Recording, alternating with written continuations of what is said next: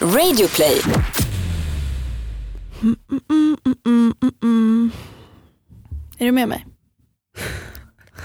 Andra sidan, är ni klara? Jajamensan, fattas bara! Oh! Kaffe!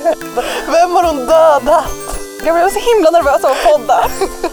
ah, jag flippar! Okej. Hej Flora. Hej Frida. Hej. Jag gick på lägenhetsvisning häromdagen. Ehm, jag och min snubbis pratar om att eventuellt bo ihop en dag. Ehm, vilket eh, gör mig väldigt, väldigt rädd på ett sätt för att jag har verkligen så här återerövrat livet som, eh, eller jag bor själv för första gången. Men sen råkar ju han alltid vara där så nu pratar vi om att så här, av ekonomiska skäl så kanske det kan vara bra att vi bor ihop. Plus typ vi bor ändå ihop. Ah. Eh, och det är ju ganska vanligt i Stockholm att man, eller ganska vanligt överallt i alla storstäder men väldigt mycket så i Stockholm att man helt enkelt av ekonomiska skäl eh, Ja men upp. alltså bostadsmarknaden i Stockholm tring, tvingar ju fram monogam, monogami, eh, eller liksom tvåsamhet, eller kollektiv. Alltså man ska ju trycka in så många personer som möjligt i varje lägenhet. Ja men sen är det ju så i Stockholm att det finns ju knappt, eller det finns väldigt få kollektiv för vi är, Sverige är också det land med flest ensamhushåll Ja. i hela världen. Det säger ganska mycket om typ, svenskar som folk. Ehm, men nu har vi i alla fall tittat på lite möjligheter om vi skulle bo ihop Ehm, och då är en av dem bostadskön. Mm. Ehm, det finns ju ungdomslägenheter som man kan få genom bostadskön. Det var så jag fick min eh, lilla hyresrätt. Mm. Så Kristina fick sin skitmysiga lägenhet i Vällingby också. Mm.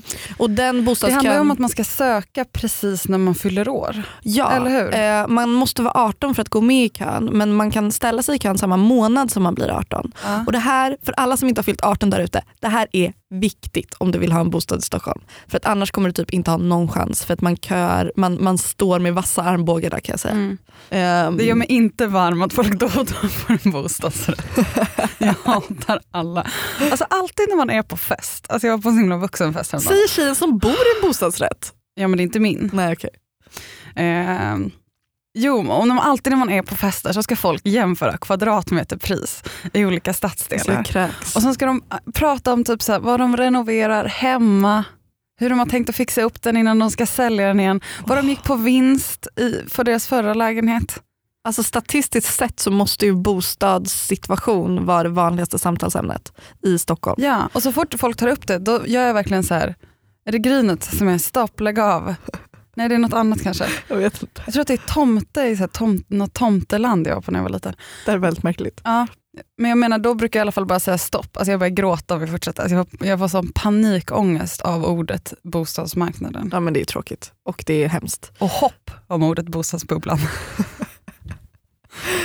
Eh, Den här lägenheten som Isak var på typ så här 30 plats på eh, ligger på Kammakargatan i Stockholm som ligger väldigt centralt. Hur gammal är Isak? Eh, han fyller 25 nu Mm.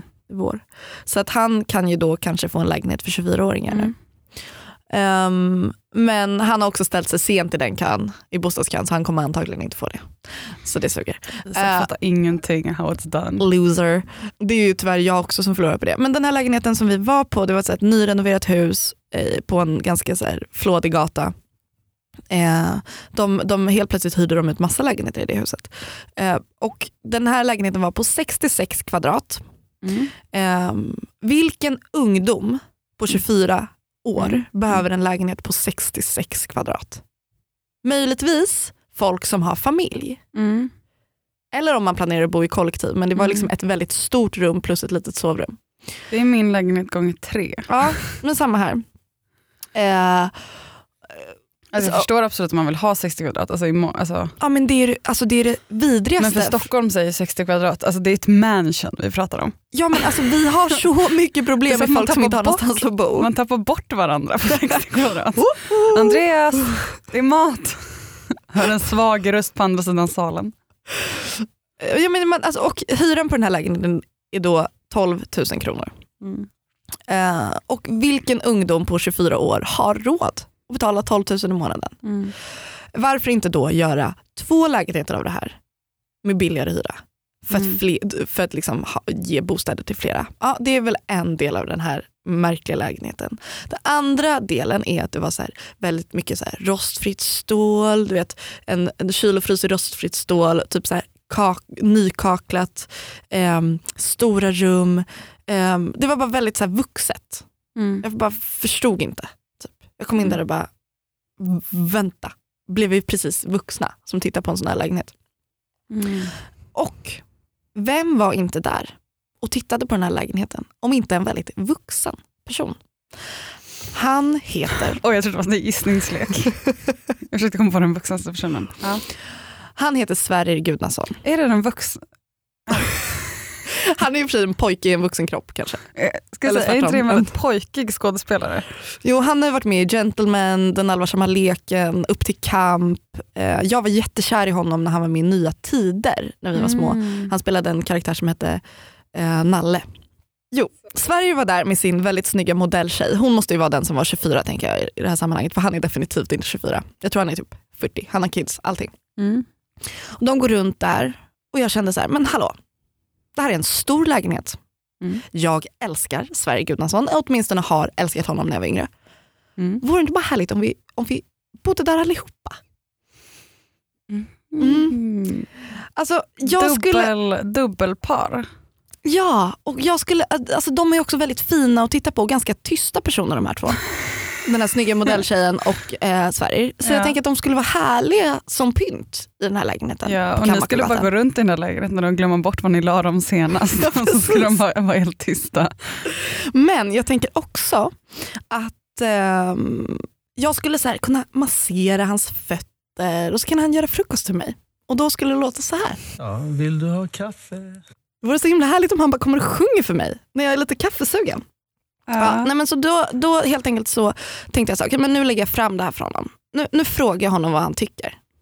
Jag tror från, från början så blir man lite så här, "Åh, vad, vad är det här? Och man vet inte vad man ska tycka. Men sen så leds man in i det. Ja, alltså han, det, det var ju lite motvilligt liksom. Eh, men men jag, jag kände ändå så här, jag var bestämd på min sak. Man får finna sig i formen. Man får helt enkelt bara finna sig i formen. Men vad härligt att du bara tog honom i handen och bara, hörru, Mm. Ja, vill du ha kaffe? kaffe, Ja tack, jag vill ha kaffe. Jag vill ha kaffe nu. Jag tycker väldigt mycket om den här nya formen för podden där vi har fiktiva samtal med killar vi vill ligga med. Ja, vi har bara Jag börjat. tycker att det här ska vara återkommande i varje podd. Jag satte kaffet i halsen. Bara, ah, här är ett telefonsamtal jag hade med Tom Hardy lately. Sampla grejer från typ såhär. I'll be back. Inte Tom Hardy men något Hollywood. Du var och tittade på någon slags eh, studio häromdagen. Ja, det var jag. Eller rättare sagt igår så grät jag tror jag tre gånger för att jag behövde deala med, med insikten om att jag inte kommer att eh, kunna hyra den studion. Nej. Eh, Men det behöver vi inte jättemycket gå in på. Men jag, jag eh, hade ju en liten dagsljusstudio i Örnsberg tidigt. Eller vi hade ju den tillsammans. Gud så mycket kommer jag ihåg, så lite intryck gjorde du på mig. Ja. Jag och Flora delade en stu- en dagsljusstudio tillsammans i Örnsberg. Jag tror det var, men sen så eh, lämnade du den och sen satt jag några månader själv. Ja. Innan jag behövde flytta ut för att de sålde det kontraktet. Och sen dess har jag letat ett nytt ställe att, att jobba på. För att jag bor som sagt på 24 kvadrat och när man har så fonder och massa kameror och refmaterial och typ massa fotogrejer liksom, så är det väldigt tajt och rymmas Snälla fortsätt säga alla coola branschord eller fakta. Nej men jag försöker liksom bara... Nej men olika jag har blixtar och sånt. riggen med mig och superblixten. Och... Ja, Du vet, och den där skruvmejseln. Eh, ja, men, eh, så då jag tittade på lite olika ställen och sen så hittade jag så här, värsta drömstudion i så här, en industribyggnad som ska rivas. Eh, och Det är alltid så, så här märkliga personer man, man träffar på så här, visningar och eh, framförallt inom Blocket. Mm. Han var väldigt, Talk about it. jag, jag vet liksom inte hur jag ska säga, han var väldigt, väldigt gullig dock. Men så gick han runt och så visade han hela den här studion och den var väldigt så här, märkligt inredd för han och hans konstnärsfru hade det nu. Så gick han fram till så här, en väldigt stor tavla vi hade ganska nyligen kommit in i det här rummet så vi hade, jag inte, hade inte riktigt hunnit känna av vad han hade för vibe. Nej. Jag hade inte riktigt hunnit liksom bli trygg med den här personen. När han bara, ah, den här stora tavlan den eh, har ju min fru målat. Eh, hon målar ju med blod. Och jag bara, Nej. alltså jag har inget problem med det. Det är helt okej om man vill göra det, den gamla, det gamla greppet. Men den var så stor.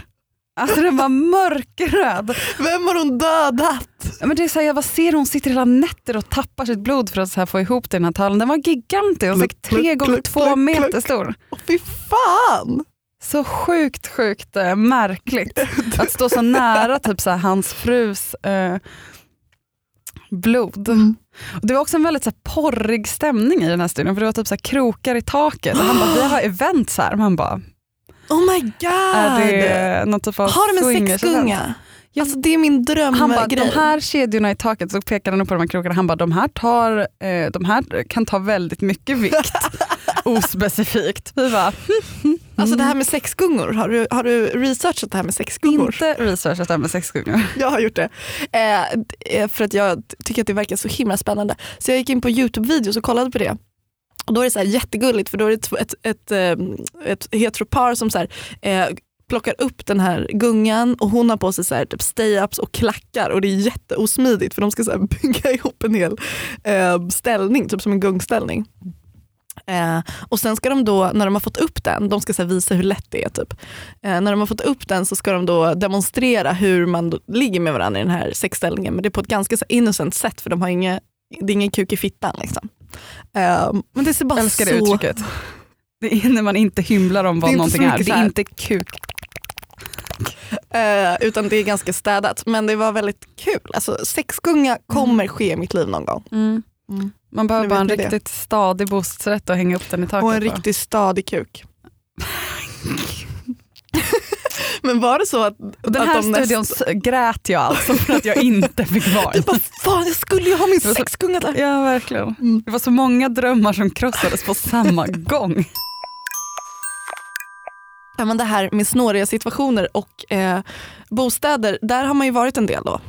Jag, har, jag flyttade hemifrån när jag var 18 och då flyttade jag ihop med mitt ex. Eh, och vi hade ett riktigt härligt första år tillsammans på Gärdet. Eh, det var en jättefin lägenhet som vi hyrde andra hand. Ja, du har också bott där. Vi bodde Mm. typ jättenära varandra innan vi lärde känna varandra. fruktansvärt deprimerad på Gärdet. Allt är Gärdets fel. Alltså min lägenhet var så, den rymde bara en säng. Och så var det bara totalt jävla mörker. Det låter så sad. Eh, man blir också deprimerad när um, ens eh, hyresvärd eller den personen man hyr den här andrahandslägenheten av säger att nu ska, vi, nu ska jag höja hyran och eh, ni får antingen en fett dyr hyra eller så får ni hitta en ny lägenhet. Det var det som hände mig och mitt ex. Mm. Ehm, det, då hade vi bott där i tio månader. Vi tjänade inte så mycket. Jag gick på eh, CSN och han jobbade satan. Men det var så här, tufft ekonomiskt. Mm. Eh, och vi började leta på Blocket som man gör. Eh, och då, det bästa sättet för mig har varit att så här, lägga upp en annons på typ mig och mitt ex då, där vi är fett gulliga. Bara, hej hej vi söker lägenhet. Det Ja, alltså så man sitter och scrollar blocket och bara, hm, vem ska jag hyra ut min lägenhet till? Ser man då dig le, och mitt ex i någon så här liten pullover och, och fluga typ. Det blir typ budgivning mellan hyresvärdarna för att få hyra ut till dig för du är så jävla reko. Ehm, och så eh, fick vi ett samtal från en kvinna som eh, hyrde ut en lägenhet på Kocksgatan på Söder. Eh, så vi fick komma till den lägenheten och det var lite märkligt när vi kom dit för att hon bara, jag hyr ut den i ett halvår med möjlighet till förlängning, jag är 50, jag ska så här, resa runt fett mycket Mm. eh, det här kommande året för att fira min 50-årsdag. Typ. Så här, casual 50-årskris, Mm. södermamma. Typ. Mm. Men det som var lite märkligt var att så här, lägenheten var inte städad och det var så en stor labrador som typ låg och dreglade på golvet. Och vi bara, eh. Fast man har inte så mycket val heller. Mm. Vi, vi såg ändå möjligheten, så här, men det här kan vi göra fint om vi tar ner Ja. carpe diem-skyltarna och kastar ut hunden. Typ. Men många som letar bostäder är också så här, det är en ganska pressad situation. Ofta måste man hitta någonting ganska snabbt. Man kanske inte har råd att vara så himla picky, man måste bara hitta någonting som gör att man, som man har råd med. Ja verkligen. Och Alltså man är i en väldigt beroendeställning av när man letar bostad. Ja jävlar ja. Alltså, jag vet inte hur många visningar vi var på. Men då så sa hon så här, ja, men det står mellan er och två andra par som har varit och tittat med hör av mig i veckan. Ehm, och sen så några dagar senare så hörde hon av sig och sa så här, gud vad roligt, eh, jag har valt er, ni är jättevälkomna att hyra den här lägenheten. Ehm, vi kan väl ses imorgon på Nordea eh, så kan vi legitimera oss för varandra så att allt går rätt till och skriva kontrakt och föra över depositionen. Så då gjorde vi det. Då kom vi dit ehm, och vi visade våra pass för varandra. Vi skrev under så här, ehm, hyreskontrakt och vi förde över 16 000 till hennes konto som då var två månadshyror. Sen så sa hon bara så här, ja nu ska jag kolla med styrelsen bara så att ni blir godkända. Ja, men det kommer inte vara några problem för ni har inga betalningsanmärkningar va? Och vi var såhär, nej det är lugnt. Uh, jag hade ju prickar i registret men mm. det visste hon inte. Um, Från skadegörelsen på busshållplatsen? Ja. Bäras um, Flora, vilket avsnitt är det av podden om man vill lyssna på det? Det vet jag inte. Ingen aning. Så gick det några dagar och vi var så här, har du hört något från styrelsen? Och till slut så sa hon så här, eh, Flora du blev godkänd men Felix blev inte det tyvärr. Eh, vi bara så, äh, det här är jättemärkligt. så seriösa backup checks mot bara vissa wow, individer. Fan, det är jag som har pricken i registret, inte han. Mm. Uh, och vi bara, var bara såhär, oh, fy fan vad jobbigt. Men hon var såhär, men inga problem, jag får över depositionen nu direkt. Um, så att ni ska ha den tillbaka. Jättetråkigt att höra verkligen. Uh, och vi blev ju så här jättestressade för vi behövde en ny bostad. Och då så gick dagarna och pengarna kom inte. Uh, Felix hade vid den tiden typ 6 kronor på sitt konto. Alltså det var verkligen så här, vi bara, vi behöver pengarna. Mm. Uh, men vi ringde, hon ringde oss varje dag och var så här, men jag har fått över nu, har de inte kommit än? Gud vad märkligt. Jag försöker igen efter helgen. Så det var väldigt mycket så, så dagarna gick för hon bara, men gud vad märkligt. Uh, jag försöker igen imorgon. och till slut så när det hade gått typ tio dagar kanske och de inte hade kommit, då sa jag så här, men kan, kan inte vi träffas så kan jag få dem i cash då? För att vi behöver pengarna. Eh, och då sa hon så här, okej okay, men vi ses på Nordea klockan fyra imorgon. Eh, de har kontantuttag där så då kan du få pengarna. Eh, och då så åkte jag dit och så ställde jag mig där utanför så såg jag så här, men fan den här Nordea-banken den stängde ju klockan tre. Hon har liksom inte ens kollat upp det. Och så ringde jag henne för hon var inte där. Och bara så här, Hej du, jag står här och väntar nu. De, de har redan stängt men kan vi gå till en annan bank? hon bara, hej Flora, förlåt jag sitter i ett möte jag måste lägga på. Jag var så här, eh, nej, då blev jag så jävla förbannad. Mm. Här, för då hade också min låtsaspappa varit så här, men Flora det här verkar lite konstigt. Ska mm. du inte? Och jag var så här, nej nej nej. Alltså jag litade verkligen på henne för hon var så redig. Liksom. Mm. Mammig person. Typ. Mm. Jag var så här, du måste komma med pengarna annars kommer vi ta det här till en advokat. Och då var hon så här, ja men jag, jag, Flora jag får ringa upp dig om en stund. Och då tänkte jag så här, när, när hon hade lagt på att fan det är någonting jävligt konstigt här. Och då hittade jag eh, telefonnumret till styrelsen. Eh, så då ringde jag den här bostadsrättsföreningen och så sa hon så här, åh din stackare, den här kvinnan får absolut inte hyra ut sin lägenhet. Den är lämnad mm. till Kronofogden. Hon har mm. lurat så många personer. Du kommer antagligen inte få tillbaka denna pengar. Och då smsade jag den här kvinnan och var så här, jag vet vad det är som har hänt. Eh, om inte vi får våra pengar, eller jag har pratat med styrelsen, om inte vi får våra pengar då kommer vi gå till polisen. Mm. Och då så, på något jävla vänster så bestämde vi att hon skulle komma med pengarna i cash. Eh, och jag och mitt ex bodde då i Stureby i en lägenhet som vi hade lånat eh, tillfälligt. Och jag visste att den här kvinnan, hon, det är något jävligt fuffens med henne. Jag blev mm. rädd för första gången för jag kände så här, nu, hot, nu har jag liksom hotat henne att vi ska gå till polisen om inte vi mm. får 16 000 kronor. Jag vet inte vem hon är eller var hon kommer ifrån. Mm. Uh, så jag ringde dit min pappa och bara så här, okej okay, den här kvinnan ska komma med pengarna ikväll. Mm. Så pappa stod, det här var så här, eh, en mörk kväll, det var en stor parkering utanför huset där vi bodde.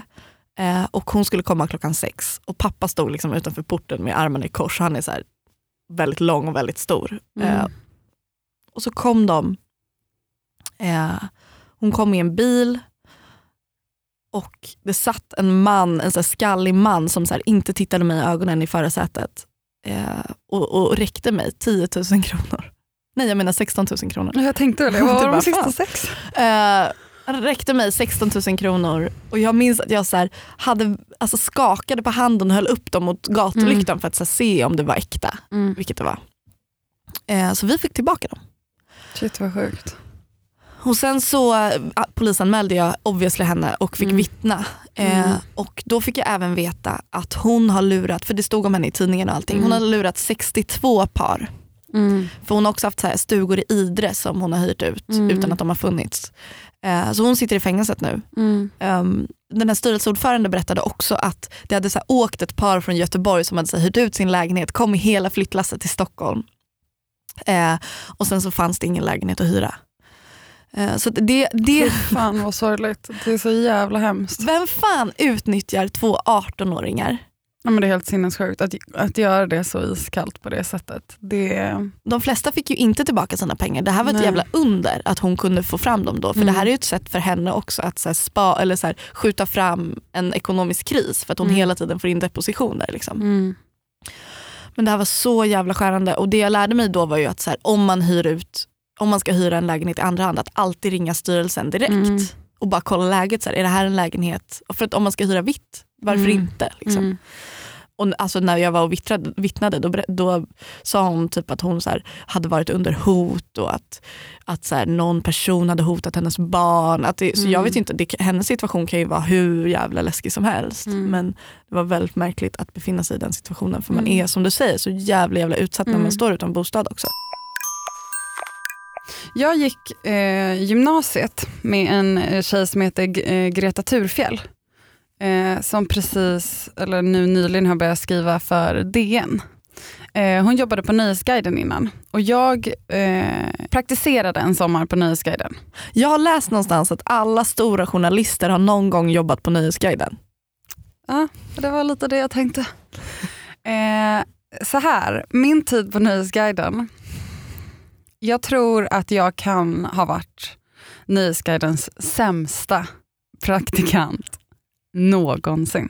Varför?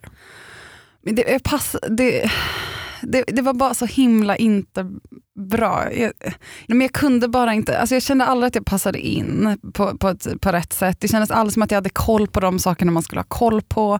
Alltid när jag skulle skriva tog det för lång tid. Jag tror Parisa Amiri aldrig var nöjd med mina texter. Jag ville mest gå hem. Alltså, det var bara så himla inte... Jag, jag, det funkade inte. Men det funkade väldigt bra för, för Greta. Ja, grattis Greta. Grattis Greta. Ehm, men tack Nöjesguiden för, för den sommaren. Jag lärde mig faktiskt jättemycket men, men ni fick inte så mycket tillbaka. Och Greta skrev nyligen en, eh, en text för eh, din, är det din kultur? Mm. Med titeln Det är dags att Sverige inför kulturell värnplikt. Det var en väldigt, väldigt rolig text. Väldigt rolig text. Om jag bara ska, eh, ska vi läsa bara ingressen på den? Ja, gör det.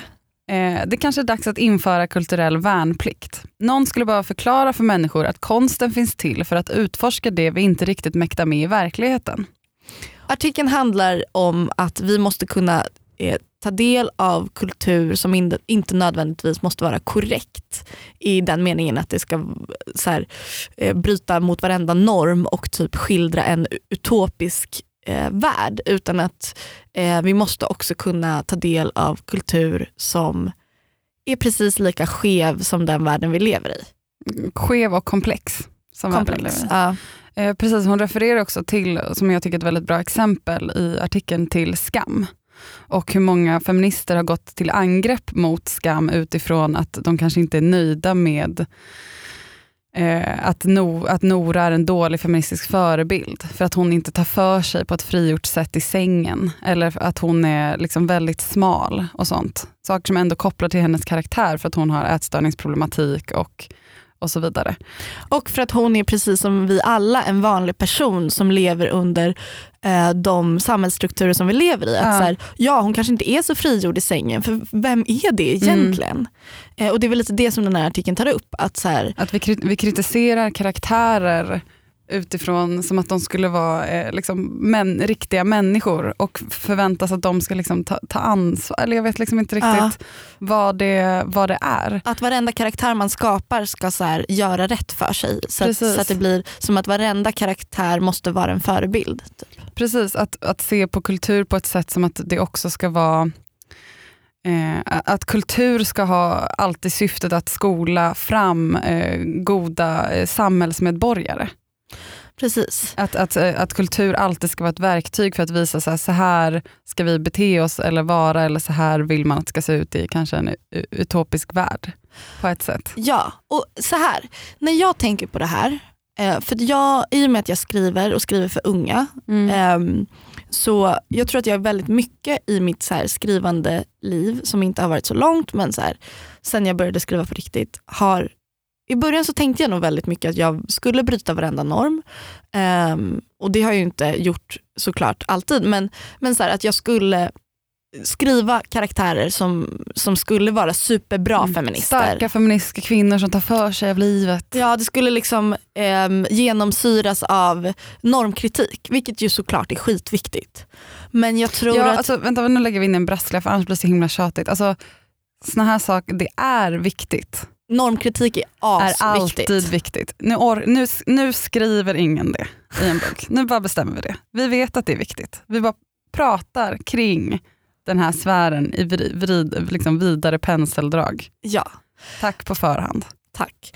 Ehm, och då tänkte jag att så här, men fan om jag skriver min första bok då ska den liksom vrida på varenda liten norm. typ. Det var någon slags ambition till en Jag ska början. skriva en bok som alla unga flickor i landet ska läsa och så ska de bli så här Mm. stärkta. Och nu när jag, när jag tänker på skrivandet idag så fattar jag att, att så här, plakatfeminism ehm, kanske inte alltid är det bästa sättet att nå ut med ett budskap heller. Eller där varenda karaktär är perfekt. För att det eh, skildrar ju inte den världen vi lever i. Och det är klart att i litteraturen så har vi möjlighet att skapa en utopi. Men vi har också möjlighet att eh, lyfta fram eh, situationer och personer som lever lite mer i en subtil politisk eh, värld. För det är ju så det är. Och sen så tänker jag också att om alla karaktärer och alla händelser i böcker eller all kultur vi tar del av ska bete sig eh, på ett fläckfritt sätt, då, då tycker jag också att man har, väldigt, ställer väldigt låg, har väldigt låga förväntningar på läsaren. Att kunna ta till sig ett innehåll och sålla i det. Ehm, och, och ta till sig det på olika sätt, inte bara som i en eh, i ett skolande av hur man ska bete sig på något sätt. Ja. Och, men, alltså, det, det skaver ändå i mig att prata om det här för på ett sätt så tycker jag att så här, till exempel så här, plakatfeminism eller att göra eh, väldigt övertydliga politiska budskap också kan vara så jävla jävla viktigt när man talar till unga. Mm. Eh, för att ja, man ska inte underskatta så här, analysförmågan hos tonåringar. Men för mig till exempel, om jag tänker på så här, mina feministiska förebilder när jag var tonåring, så var ju det personer som var väldigt, väldigt raka och tydliga med sitt politiska budskap. Mm. För jag hade inte riktigt eh, verktygen eller kunskapen att, så här, att läsa mellan raderna. Utan jag Mm. behövde någon som faktiskt verkligen höll mig i handen. Därför jag tänker att till exempel Gudarna av Elin Kullhag Nej, Gudarna av Elin Kullhed heter hon. Mm. Eh, Det är därför jag tänker att Gudarna av Elin Kullhed som är så en, en ungdomsroman eh, som handlar om ett så här tjejgäng är väldigt väldigt bra. För Mm. att den är, väl, den är ju så väldigt feministisk och ganska övertydlig på många sätt. Eh, men att det också kan vara en, en hand att hålla i Mm. när man försöker hitta sin politiska väg. Så det är en grej tycker jag när man faktiskt skriver för unga. Då kan man vara lite mer övertydlig och det vet jag att jag har pratat om ganska mycket med så här Mm. redaktörer och förläggare och sånt där. Eh, om man tänker på Flickorna av Emma Klein så är det en bok som handlar om makt till exempel. ehm, makt som utövas på unga kvinnor men det är också den makten som unga kvinnor besitter själva. Mm. Och det är någonting som skrivs väldigt mycket mellan raderna. Det är inte så här står på varenda sida att det är det boken handlar om utan det är någonting man kan känna själv av att läsa den. Mm. Men det som skrämmer mig i det här är till exempel nu när jag tittar på OC. Jag har eh, plöjt första säsongen för första gången. Att jag tänker på alla unga som inte har analysförmågan och som köper saker rakt av. Mm. Det är då det kan bli riktigt problematiskt när man skildrar sexism och rasism. Mm. Till exempel Ryan är väldigt överbeskyddande med Marissa. Han, alltså, de två karaktärerna är typ mina sämsta karaktärer. Hej Edward, hej William. Edward i eh, vampyrfilmerna, Ja, ja. William i Skam. Ja men det är exakt samma grej, så den överbeskyddande Mm. eh, personen. Och det är klart att det är så miljontals ungdomar som har tittat på OC och bara, ja men det är helt rimligt att slå ner varenda kille som tittar, som så mycket som tittar åt ens tjej, som Ryan gör med Marissa. Jag tror inte att Jason Schwartz som har skrivit OC Mm. eh, tänkte på att så här, nu ska jag prata om det här, eller, eller vad säger jag, nu ska jag fundera kring det här sjuka i overprotective boyfriends. Utan jag Mm. tror att han som 27 år gammal när han skrev det här faktiskt tänkte att det var så Ja. man skulle vara. Jag har inte sett OC. Ja, you're in for a treat. Mm. Du kommer bli kär i Seth. Alltså det är helt självklart att man ibland inte pallar, att man vill se någonting där man säger, nu orkar inte jag se en film som är, där folk är sexistiska och rasistiska för jag pallar inte det. Jag vill se en, en frizon, jag vill se liksom någonting med så här, tjejer som gör nice grejer. Mm. Ehm, så jag förstår 100% den känslan. Jag kan bara bli irriterad ibland när eh, vissa saker får hård kritik. När, när, kvin när kvinnliga karaktärer kanske framför allt får eh, kritik för att de inte är eh, starka kvinnor.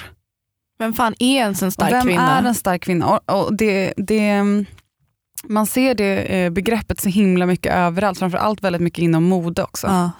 Eh, att, de, att olika märken designar kläder för starka moderna kvinnor. Och jag vill veta vem hon är.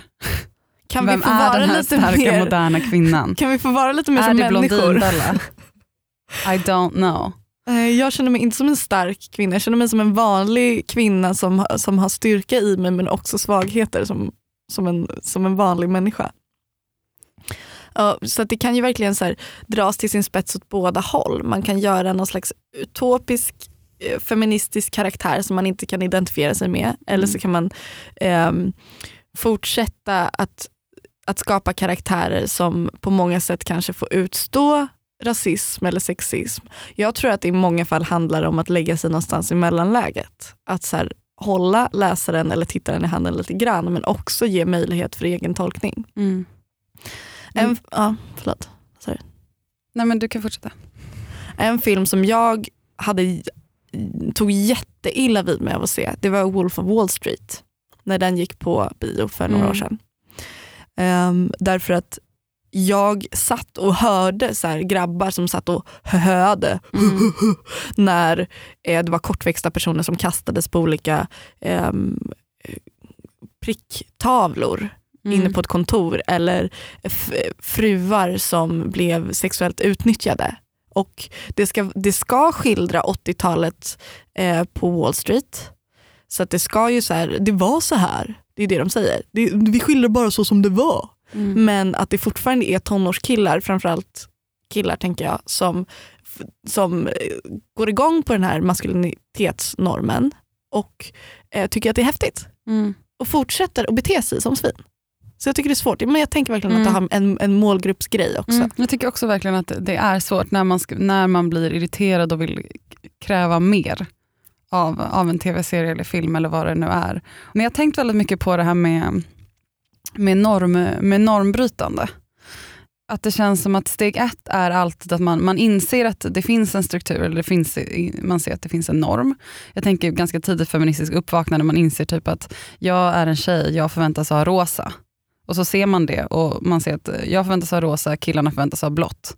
Eh, Man, man ser den här normen och då är instinkten, om man då är lite feministiskt lagd eller tycker att det känns eh, fel, att man bara bryter den normen tvärt av. Så här, okay, men jag ska inte ha rosa, jag ska bryta den här normen genom att jag ska börja bara ha blått.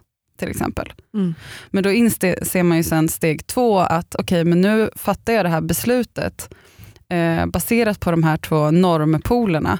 Först och främst, jag kanske vill ha grönt eller gult. Att Mm. inse att paletten är vrid, vidare än de här två olika alternativen. Och dels inse att, att, att börja då hata rosa, eller att hata då de sakerna inom sitt eh, angivna fack, är ju också på något sätt att se ner på eh, femininitet och värdera det lägre Vilket är en Ehm, ofeministisk handling. vilket i sig då blir en ofeministisk handling. Jag tänker också att så här med karaktärerna, att man kanske eh, började störa sig på att det inte finns några starka kvinnor. Alla superhjältar eller starka karaktärer som liksom så här, tar tag i saker, leder ett land, driver ett äventyr.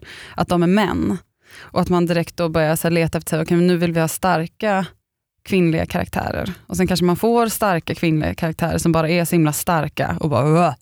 Och då kanske man inser att så, okay, men nu har vi istället eh, skapat den här starka kvinnan som egentligen inte spränger några barriärer. Hon har bara anammat ett traditionella manliga karaktärsdrag. Eh, och varför eh, upphöjer vi alltid de karaktärsdragen?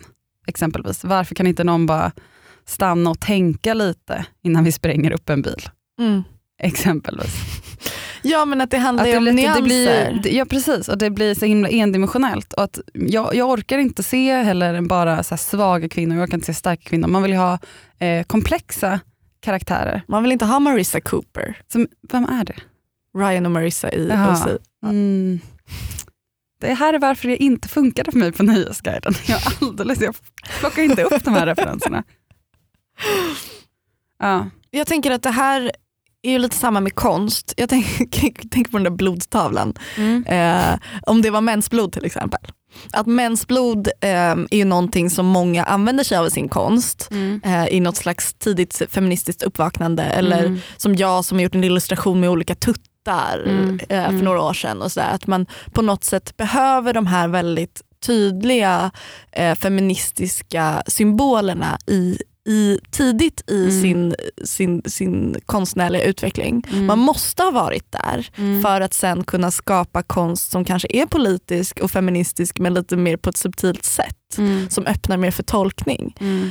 Alltså menskonst kan, och bröstkonst kan samexistera med svåra litterära verk som diskuterar olika sidor om, om könsmaktsordningen. Exakt. Och det är helt okej. Allt är okej. Du som gör menskonst, du är helt normal. Flora, Frida, Dr. Splendid. det säger inte mig någonting. Nej, det förstår jag. Eh, och det inte, skulle inte ha sagt mig någonting eh, fram tills nyligen heller. Men sen hittade jag en artikel på Aftonbladet. Eh, och den var låst, så man kunde inte läsa den. Men jag såg bara några repliker, Dr. Splendid. Och jag kände att det, det här kittlar. Googlade upp. Eh, Dr. Splendid har en egen hemsida. Eh, den här hemsidan, mm, vänta jag kan gå, gå in på den bara. Och det här är en person som har varit med på lite olika tv-grejer och lite så kändis inom den här sfären. Och kommer man in på Dr. Splendids hemsida så är det då en bild på en kvinna med nakna bröst och så är det som en doktor som ser ner på henne.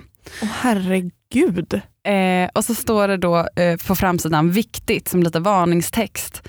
Eh, Dr. Splendid sysslar enbart med dessa rollspel och kan inte erbjuda någon form av vård eller behandling. Är du minderårig är denna hemsida inte lämplig för dig och så vidare. Och så står det lite sånt där. Eh, Rubriken är också en annorlunda upplevelse. undersökningen, tidsbokning, frågor och svar, blogg. Vi hinner inte gå igenom hela hemsidan som högläsning. Jag skulle jättegärna läsa in Gå hela bara in på hemsidan. drsplendid.com. Jag skulle jättegärna läsa in hela den här hemsidan som en ljudbok, men det finns inte tid. Flora, lyssna på mig istället för läs själv. Okej, nu lyssnar jag.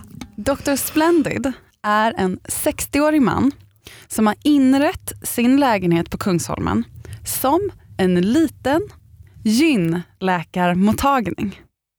Oh my god. Alltså, vem som helst, vilken kvinna som helst, förutom man måste uppfylla två kriterier. Okej, Man måste vara yngre än 45, why? För att Dr. Splendid som är 60 vill inte ta i kvinnor över 45. Nej just det, de tar han bara i med tång. Exakt, Nej förresten. inte ens tång. Äldre än 18. Okej. Måste vara mellan 18 och 45 Jag för att komma. kvalificerar. Man får inte vara överviktig. Nej just det. Och det är Flora, stark kandidat just nu. Ehm, då får man, eh, om man är lite nyfiken så kan man alltså boka en tid hos Dr. Splendid.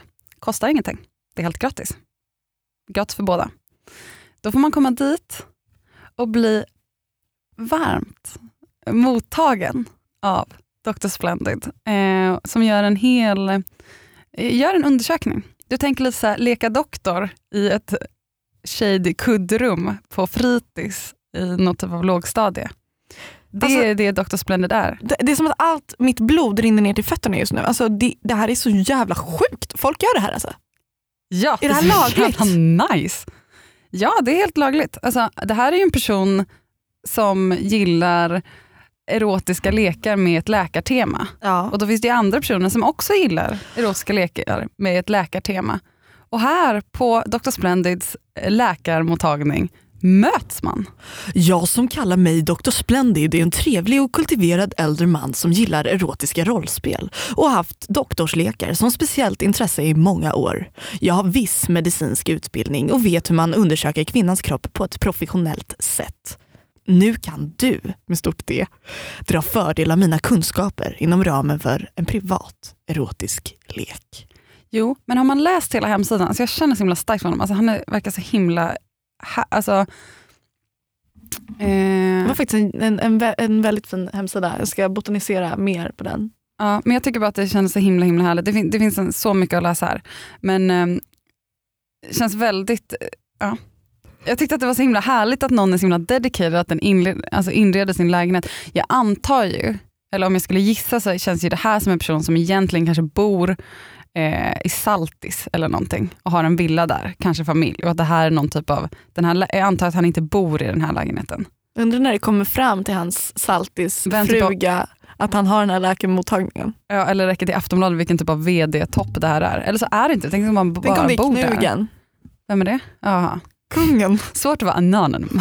Svårt att vara anonym. Vadå, han har ju sin läkarmask på sig. Men jag tänker liksom att om man har byggt om hela sin eh, lägenhet som läkarmottagning på det här sättet, eh, det är väldigt svårt att bjuda hem folk. Eller, typ Eller så bara kommer man undan med att man, har en, att man är läkare. ja, men vem har en gynstol i vardagsrummet? Så jävla bra Tinder-historia. Som jag nu myttar, men om någon skulle komma dit och se det. Okej, men jag, vill bara, jag, jag förstår verkligen typ så här, medelålders kvinnor som vill så här, bli sedda, känna att någon verkligen ser dem, gå igenom hela kroppen på ett så här så himla sensuellt sätt. Ja, alltså det är ju jättemånga som tänder på gynundersökningar så det är, alltså jag fattar ju att det här slår. Men det är inte bara det tror jag, det är också så här, stoppa in en termometer vid, alltså så här, ja, gud, jag ska inte läsa upp här. Vi behöver inte prata så länge om det här. Men jag blev, helt, jag blev helt tagen. Det är synd att han är så gammal men det kittlar ju. Var kittlar det i frågan? Nej det är inte ens frågan, det är jättetydligt vart det kittlar. Oh my god. Det är så himla tråkig podd om vi, vi kan inte bara sitta och le och läsa. Nej men nu läser jag hashtags. Ja, ja Okej, var har fått en så bra. jävla rolig hashtag från Karl Karlsson. Som det står så här, som ett citat från vår podd förra veckan. Jag kan inte tänka mig något värre än att vara ihop med en person som skulle köa utanför fri- Sneakers and Stuff för någon limited edition sneaker. Och sen har, har den här personen lagt upp en bild. Jag förra torsdagen. Och så står den här personen ute i Sneakers and Stuff och köar. Ja, Det var väldigt, väldigt kan fint. aldrig bli vi. Nej. Men med det där måste jag också bara säga att jag, jag menar ju inte, alltså jag, jag älskar också sneakers och jag kan uppskatta att folk har ett genuint intresse av någonting. Det var mer att, så här, att skildra en person som är lite eh, statusängslig. Eh, fortsätt hashtagga Flora Frida på Instagram för det är askul att se de här bilderna. Mm. Eh, tack för att ni har lyssnat. Eh, tack så mycket. Nästa gång vi spelar in ett avsnitt så är det från distans. Då är jag i Lissabon. Ja, men vi lovar att vi har bra ljud. Vi man lovar. orkar ju inte eh, något, krass, något knastrigt. Det kommer att bli bra, jag lovar. Mm. Eh, läs min blogg, eh, von.se slash Frida Vega eller följ mig på Instagram, att Frida Vega. Eller min blogg florasblogg.se eller på Instagram floravis med W. Tack till eh, kapten Jonas som styr den här skutan och som klipper podden. Aj, aj kapten! Skepp ohoj! Farväl. Poddtips från Podplay. I podden Något Kaiko garanterar östgötarna Brutti och jag, Davva, dig en stor dos skratt. Där följer jag pladask för köttätandet igen. Man är lite som en jävla vampyr. Man har fått lite blodsmak och då måste man ha mer. Udda spaningar, fängslande anekdoter och en och annan arg rant. Jag måste ha mitt kaffe på morgonen för annars är jag ingen trevlig människa. Då är du ingen trevlig människa, punkt. Något Kaiko, hör du på Podplay. Därför är gardinerna.